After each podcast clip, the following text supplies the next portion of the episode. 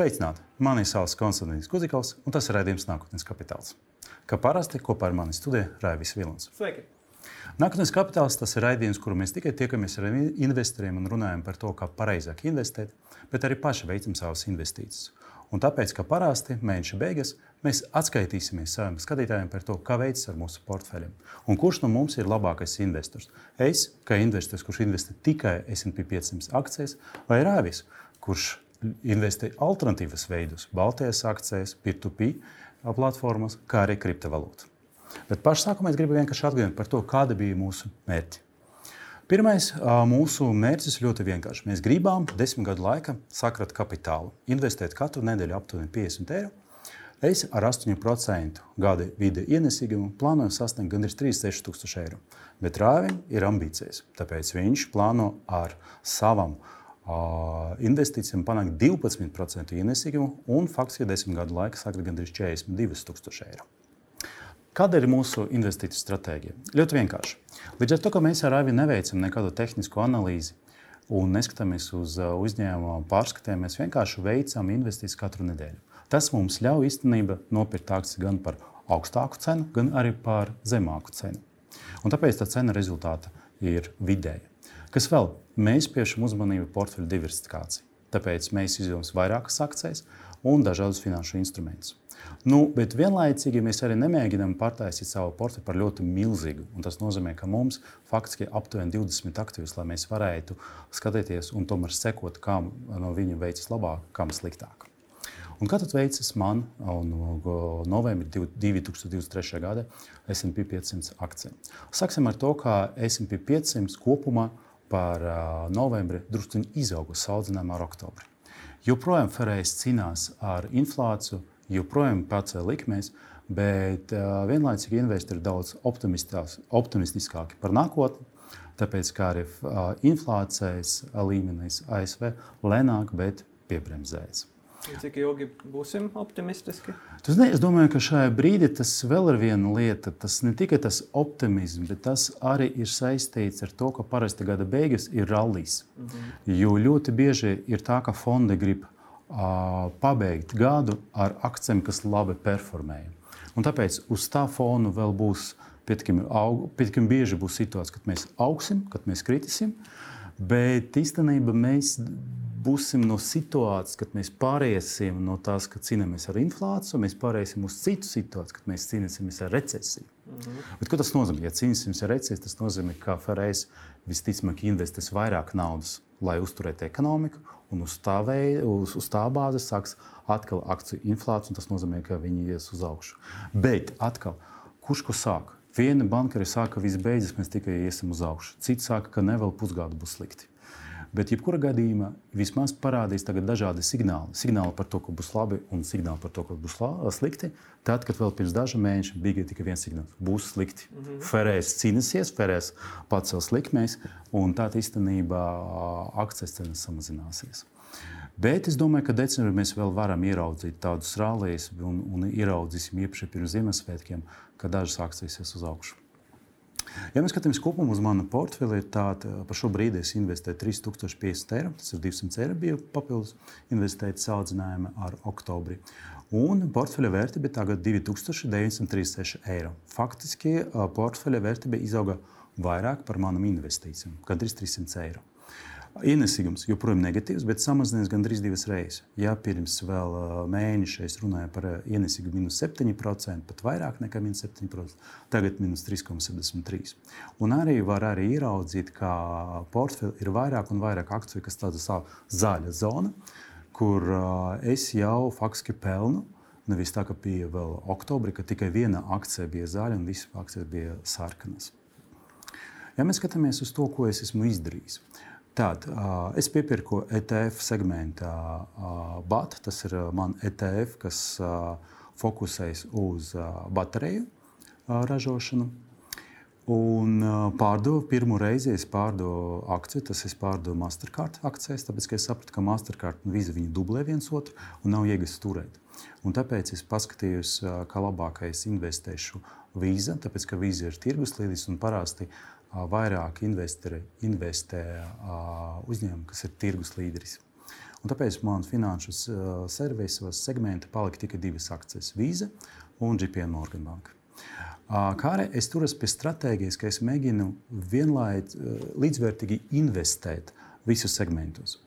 Ne visi skatos uz to, kas tagad performē labāk un piemaksā vēl klāt. Tas nozīmē, ka es nesaku, ka tradīcija, ka, ja aug, tad vajag vēl piepirkt, tāpēc ka augs vēl straujāk.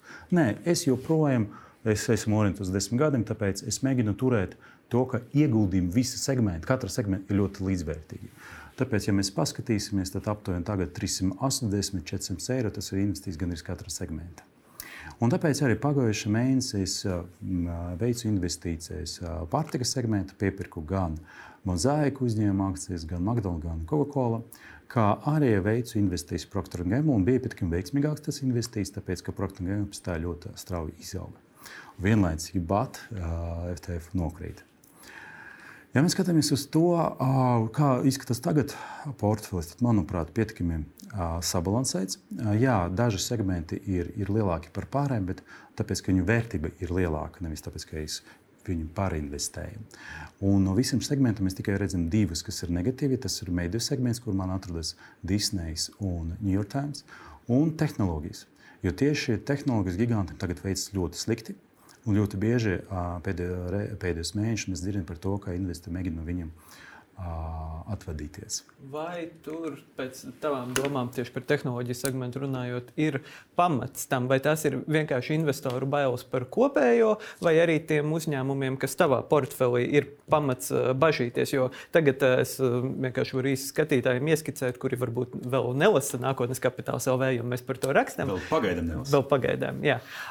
Par to, ka ļoti daudz tagad ekonomisti, banku eksperti, analītiķi saka, ka šajā dārgās naudas periodā, jo nu, uz tuvākiem gadiem lētā nauda ir beigusies. Tātad salīdzinoši augstas procentu likmes uh, investori un kopumā visi būs daudz rūpīgāki, kur viņi savu naudu liek. Tas nozīmē, ka visiem šiem jaunu uzņēmumiem un vispār tehnoloģiju uzņēmumiem, kuri nerada kaut kādu īstās pasaules pievienoto vērtību, nu, tavā gadījumā varbūt tas ne tik ļoti, jo Apple Jā. rada telefonu un tā tālāk, bet ka viņiem būs ļoti grūti laiki, jo liela daļa no šiem uzņēmumiem nemaz nezina, kā ir dzīvot uh, dārgās un grūtās naudas laikā, jo ļoti daudz ir radušies periodā starp iepriekšējo krīzi un šobrīd. Un tad eh, investori. Analītiķi ir diezgan negatīvi noskaņoti pret dažādiem jaunu uzņēmumu, tehnoloģiju uzņēmumiem, pa kripto uzņēmumiem. Vispār atsevišķi tās par to pieskarsimies manā portfelī un tā tālāk. Un kā tu domā, vai, piemēram, taviem uzņēmumiem tas kritums ir pamatots vai tas ir vienkārši kaut kāds tāds bailes? Nu, pirmkārt, ja mēs runājam par manu segmentu, kur bija tehnoloģijas, tur ir Apple, tur ir Microsoft. Un tur ir Google īstenībā visi uzņēmumi, kur strādā jau 40, 30 gadus. Mm. Viņi nav jauni izveidoti, tas nav startup. Jā, jā. Tas, ka lēta nauda vai dārga nauda, es nedomāju, ka uz viņu tas attiecas, bet uz viņiem attiecas cita lieta. Viņi, pēdējos divus gadus mēs dzīvojam ekonomikā, kur daudziem bija jāstrādā no mājām. Un tajā laikā šie tehnoloģiski ļoti izauga. Mm -hmm. Gan tāpēc, ka daudzi vairāk sāka izmantot Zoom, Google gadījumu, tas ir Meet vai Microsoft Teams. Vai tāpēc, ka vairāk cilvēki sāk pirkt datorus, telefonus un strādāt no mājām. Un šis periods beidzās. Un to mēs arī varam ieraudzīt, kad atskaitīs visu šo tehnoloģiju gigantu kopā ar Facebook, kopā ar tām pašām Zoom, ka viss ekonomika atgriežas uz normālu offline pasauli. Un tas viņu ietekmē. Tas ietekmēs to, ka mazāk cilvēki pērk šos gadgetus, jo viņi par šiem diviem gadiem nopirka pietiekami daudz. Mazāk cilvēkiem ir vajadzīgi šie online dažādi servisi, tāpēc ka nu, viņi jau pārizmantoja to visu. Mm -hmm. Tāpēc, manuprāt, tas ir normāls tāds. Nu, Atstiens atpakaļ uz to visu. Vai cik tas būs dziļi, es nezinu, bet jebkurā gadījumā mēs runājam par to, ka tehnoloģija giganti bija pārvērtēti. Vai tas ir laiks tagad viņu pirkt? Es domāju, ka jā, un es turpināšu to darīt. Vai viņi nokritīs vēl zemāk, neviens no tā neviens nezina. Bet vēl viena lieta, ja mēs skatāmies uz to tehnoloģiju, tur ir Microsoft. Un arī interesants fakts, ka Microsoft ir viens no uh, spēļu konsoļu ražotājiem. Mm. Pēc tam šogad viņš veica ļoti lielas investīcijas un pērka arī studijas. Un arī šīs gads ir tas gads, kad uh, spēļu industrijā apgrozījums samazinājās. Mm. Tas arī saistīts ar to, ka cilvēki pa tiem diviem gadiem jau nu, nospēlē pietiekami daudz. Jā. Tā kā kopumā pamatoti, bet varbūt citi iemesli. Mm. Starp citu, tas arī attiecas uz mediju segmentu, tāpēc ka tur ir Disneja un Disneja kopā ar Netflixu arī tagad redz, ka tas pieaugums pēc streaminga servisiem samazinās. Ja mēs paskatāmies uz tiem segmentiem, kas performē visveiksmīgāk, tad nu, skaidrs, ka enerģētika joprojām performē. Pie tam gan klasiskais shell parādīja jau 9% pieaugumu, gan arī zaļa enerģētika, Nextera Energy, kas ir jau veido 15%. Otra lieta, tas ir segments, kas nodarbojas ar uh, mazumtirdzniecību. Manā gadījumā tas ir Walmart un Procter Gamble. Abi divi performē ļoti labi, tāpēc ka faktiski viņi uz cilvēku māku pārnes savu inflāciju. Ko arī ekonomists stāstīja, ka ir jāinvestējas uzņēmumam, kuram viegli to izdarīt un pārnest to inflāciju uz gala patērētāju. Attiecīgi, kas performē slikti, to, ko mēs tikko izrunājām. Tehnoloģija giganti, un mēs principā pieskaramies pie tēmas, kāpēc, un arī streamingi. Man prieks par to, ka New York Times pēdējā laikā ļoti sāka iet uz augšu. Tāpēc, arī New York Times atskaitīs par ļoti labiem rezultātiem un parādīja, ka īstenībā jau tagad pusi no viņu abonentiem pērk visu viņu paku. Tas ir ļoti tuvu tam, ko dara arī Delphi, ka mēs ne tikai piedāvājam vienu produktu, D Delphi biznesa vai, vai, vai MVP, bet arī piedāvājam tādu kā tā saucamu bandu pāka kopīgi. Tad arī to, to stratēģiju realizē arī New York Times, un tas ļoti veiksmīgi viņam palīdz palielināt abonentu skaitu. Un to mēs arī redzam šeit pēc tā, ka jau tu drīzumā, es domāju, ka es ieraudzīšu viņu zaļu zonu. Disneja, nu, tur jau drusku savādāk, bet tik un tā šie cipari bija daudz zemāki, ne tik sen, un viņi iet uz augšu. Tas man priecē. Uh, vēl viena lieta, par kuru kuras nepieskaros agrāk, tas ir tas, ka man arī ir pasīvs ienākums. Jo es arī saņemu dividendus, un teiksim, šogad es jau saņemu gandrīz 21 eiro. Pagājušā gada tas bija tikai 3,77. Un es turpinu viņu reinvestēt. Un principā pasīvs ienākums ir 1,5% gandrīz. Man nav nekādas stratēģijas, ka es mēģināšu tagad vairāk investēt akcijas, kas dod to uh, dividendžu ienākumu. Tāpēc, es esmu orientēts uz desmit gadiem, faktiski akcijas ar augstākiem dividendiem parasti nav tas akcijas, kas saucams pieauguma augsts vai growth uh, shares. Un, uh, patīkama lieta. Turpinu reinvestēt, bet arī interesanti paskatīties, ka tomēr kaut kāds kā, kā šie ienākumi. Tas īstenībā ir viss par manu portfeli, un drīz mēs pārunāsim par AIV portfeli. Vai tiešām viņam veicās ar viņu kriptovalūtu, par kuru pēdējā laikā pats Raivis raksta vairāk negatīvu ziņu. Tātad par manu portfeli, kā jau tu pieteici, bet es vēlreiz atgādināšu, man ir trīs lielas grupas - Baltijas akcijas, kriptovalūtas un peer-to-peer aizdevumi. Šeit mēs varam redzēt kopējo situāciju un kopējo sadalījumu. Peer-to-peer vēl aizvien ir lielākā grupa, bet es tagad izmantoju šo periodu, lai pieaudzētu nedaudz Baltijas akciju daļu. Un kriptovalūtas šobrīd es esmu nolicis drusciņu maliņā, bet par to mēs parunāsim nedaudz vēlāk. Un tad, tad kas ir noticis tirgu? Sāksim ar Baltijas akcijām.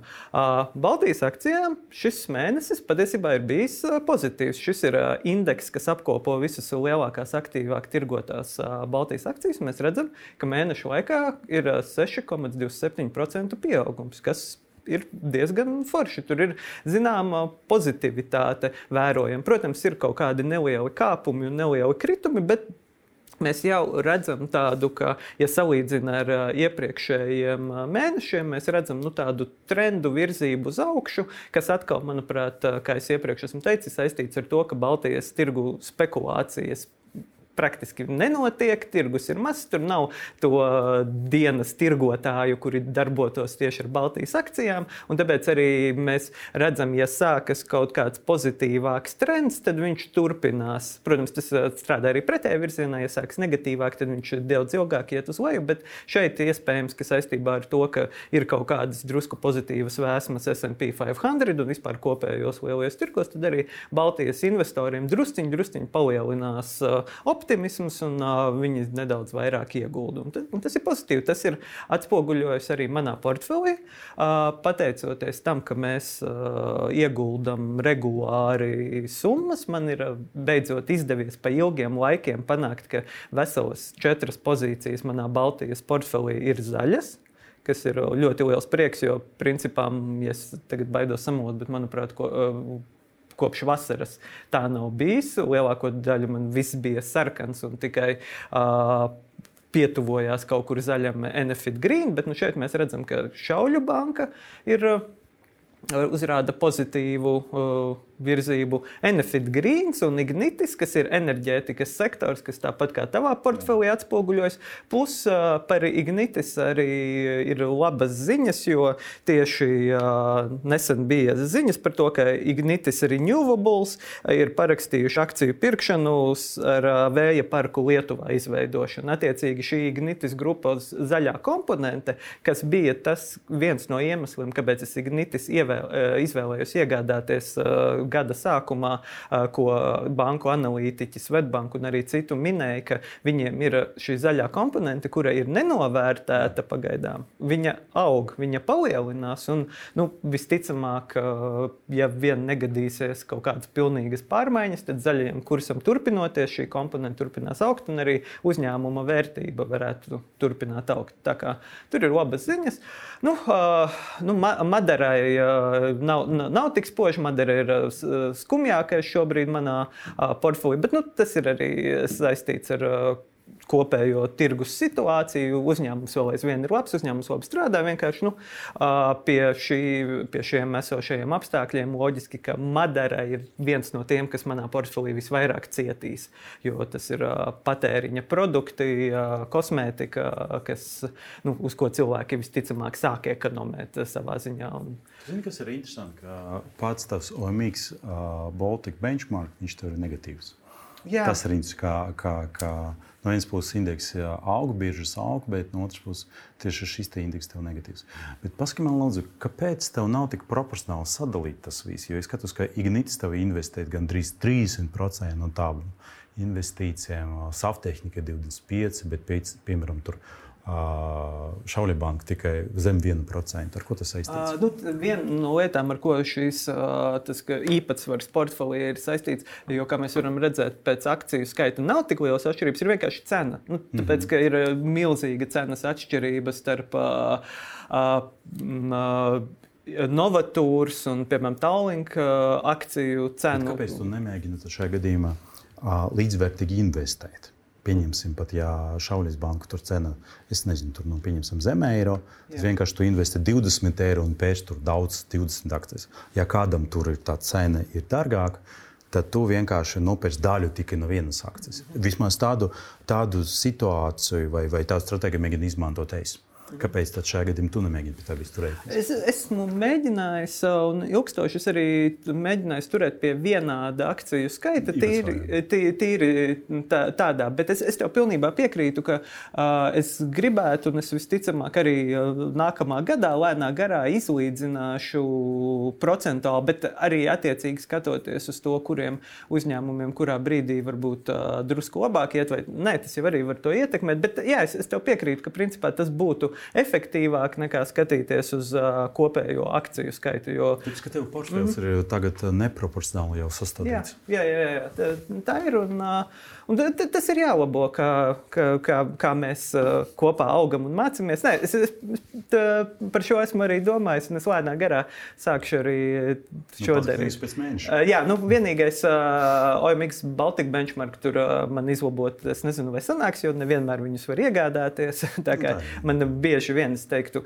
Uh, apmēram divas no trim reizēm, kad es mēģinu uzlieku pirkumu, man nesanāk iegādāties. Kā, nu, tas ir mazā tirgus problēma. Bet tā kopumā apkopojot par portfeli, esmu diezgan apmierināts. Uh, divi, nu, 3% var teikt zaudējumi, kas ir ļoti forši.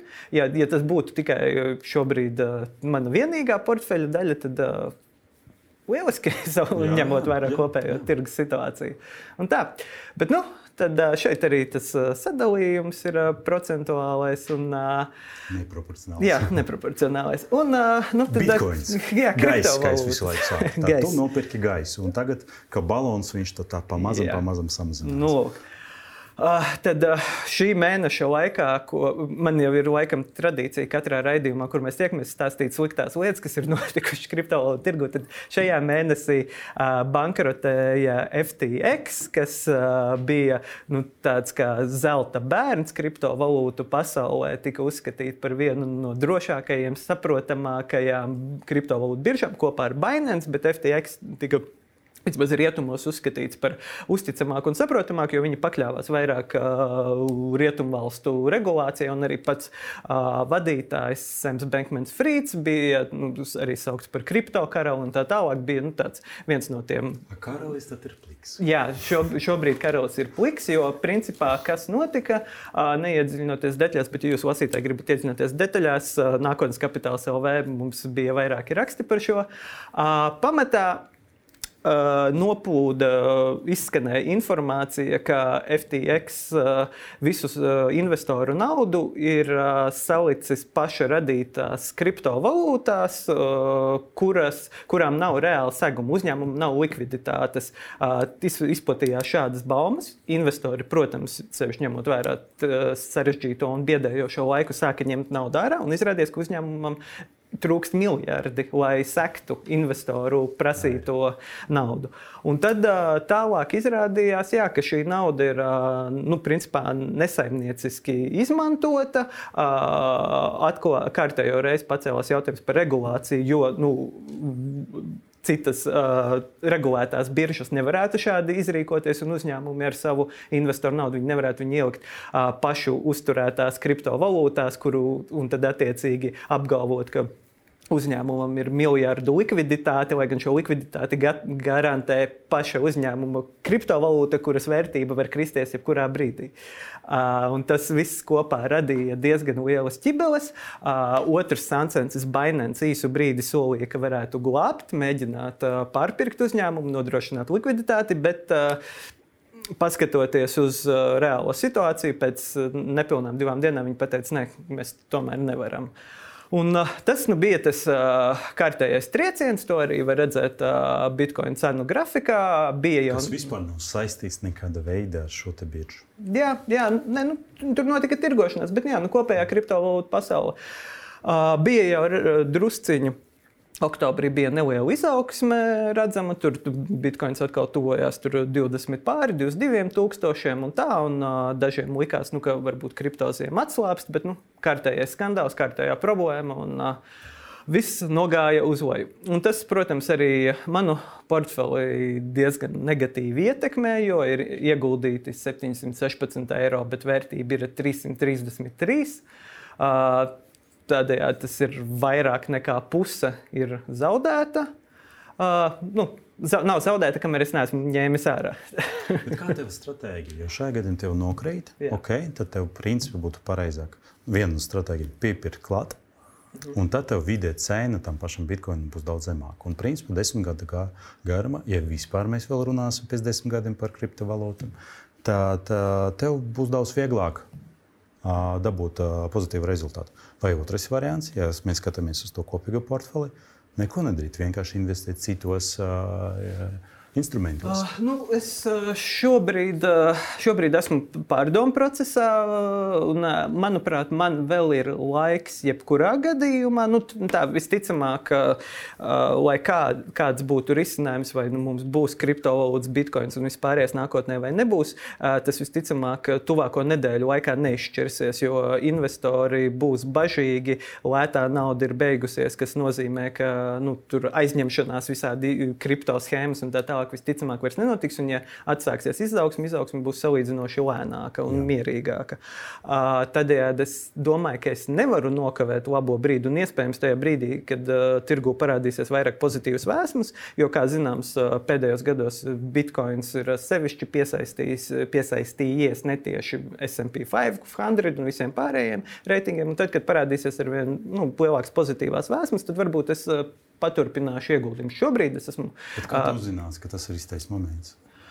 Nu, kā visi mūsu viesi ir teikuši, īstos momentus mēs tikai uz atpakaļ varam redzēt. Nu, tāpēc, bet, arī, tā, tāpēc arī mēs turamies pie tā stratēģijas, ka mēs investējam savu naudu, gan tādu, ka ir slikti, gan kad jā, ir labi. Nu, šobrīd es savu naudu investēju Baltijas tirgu, bet, bet es nesaku jā, nē kriptovalūtām, jo tā ir mana, mana priekšrocība. Varbūt salīdzinot ar tavu portfeli, ir tas, ka man ir trīs dažādi mm virzieni, kuros es varu arī nu, atzīšos, balstoties uz emocijām kaut kādā ziņā, jo šobrīd ir grūti atvēlēt naudu kriptovalūtām, es drošāk jūtos uh, Baltijas tirgū. Jā, jā, jā, jo, piemēram, manā portfelī bija trīs uh, kriptovalūtas - Bitcoin, Ethereum, Solana. Ethereum veido lielāko daļu, bet Solana ir lielākais kritums - 81% šobrīd, kas ir ļoti sāpīgi.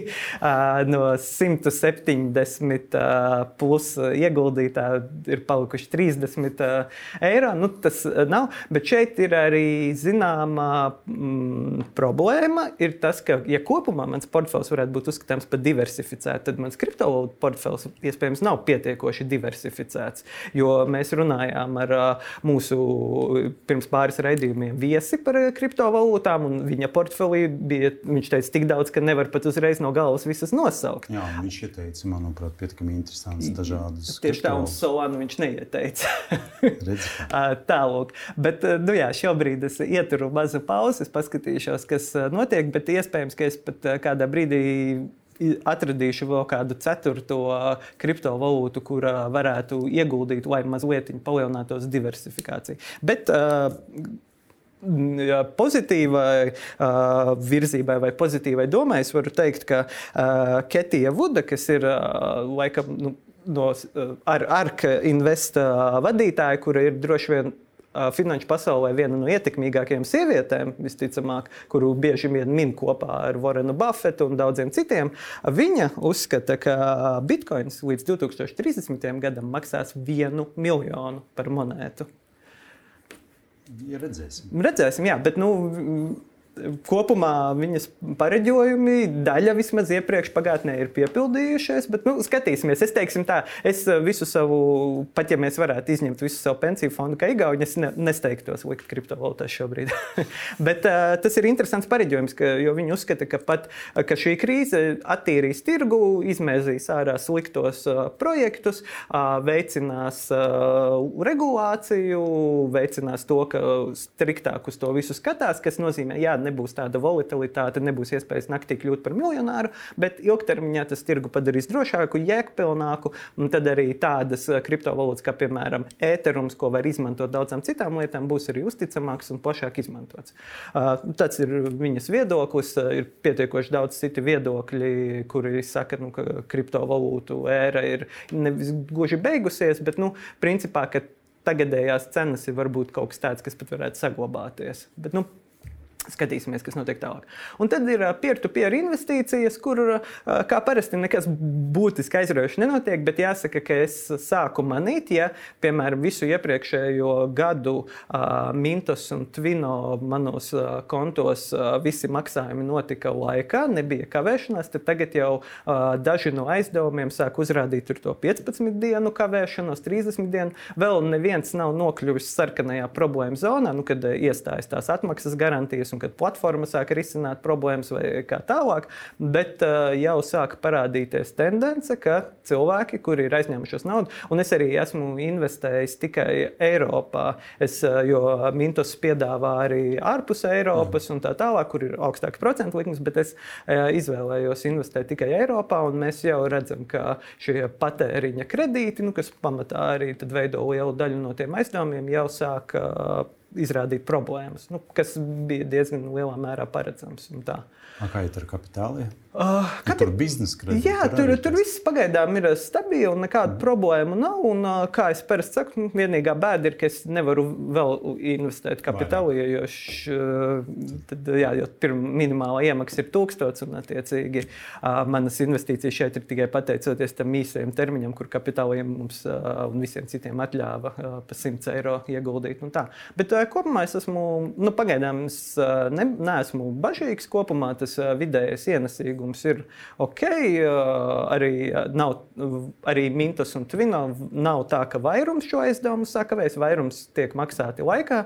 Tādējādi es esmu diezgan pozitīvi noskaņots. Puses abās šajās platformās ir pieslēdzis sev automātisko reinvestēšanas rīku, tos robo investorus, lai man par to arī nav jādomā. Jo, nu, principā, šīs platformas dizainētas es pamanīju, ka tev estet guru ir īstenībā investēt vislielāku summu. Vai mm -hmm. tur arī jau sākas kaut kādas problēmas? Uh, pagaidām es neesmu novērojis uh, par uh, kopējo, bet uh, nu, Nav, nav izslēgts, protams, bet nu, mm. jā, nu, cerams, ka nekustamais īpašums un tie aizdevumi ir rūpīgāk izsvērti un arī nu, aizņēmēji ir nopietnāki. Nu, pagaidām mēs arī neesam nu, tā publiskajā telpā dzirdējuši būtiskas problēmas ar nekustamā īpašuma situāciju vispār Baltijā un Jā, pasaulē. Es domāju, ka Eiropas likmes celšana tam ir ietekmes uz to. Tas droši vien ir. Spekulācijas būs maza, ka attiecīgi arī pieprasījums un piedāvājums būs savādāk. Jā, jā, jā. Bet, nu, cerams, pagaidām iespējams, ka nākamā mēnesī es stāstīšu citu stāstu.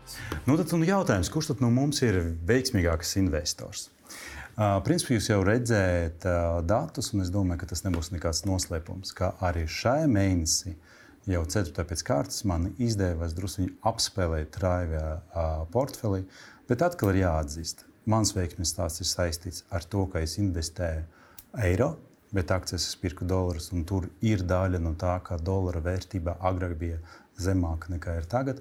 Bet, attiecīgi, ja mēs paņemsim no kripto, tad es domāju, ka tās portfels būtu pat pozitīvāks. Tāpēc, ka peer-to-peer platformas tur ir pozitīvas, bet baltais akcijas pat minus divi ar kaut ko tādu. Trīs, nu, principā trīs varam nopļaut. Trīs, tad, jā, tad Baltijas, uz Baltijas akcijām es tevi uzvarētu.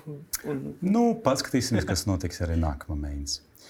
Paldies, ka bijāt kopā ar mums. Un, uh, lūgums skatīties mūsu raidījumu arī turpmāk, lai uzzinātu par to, kā pareizāk investēt, kā arī iepazīties ar cilvēkiem, kas jau vairākus gadus paši investē un saprast, kādi ir tie principi, kuriem viņi seko, lai pelnītu savu kapitālu.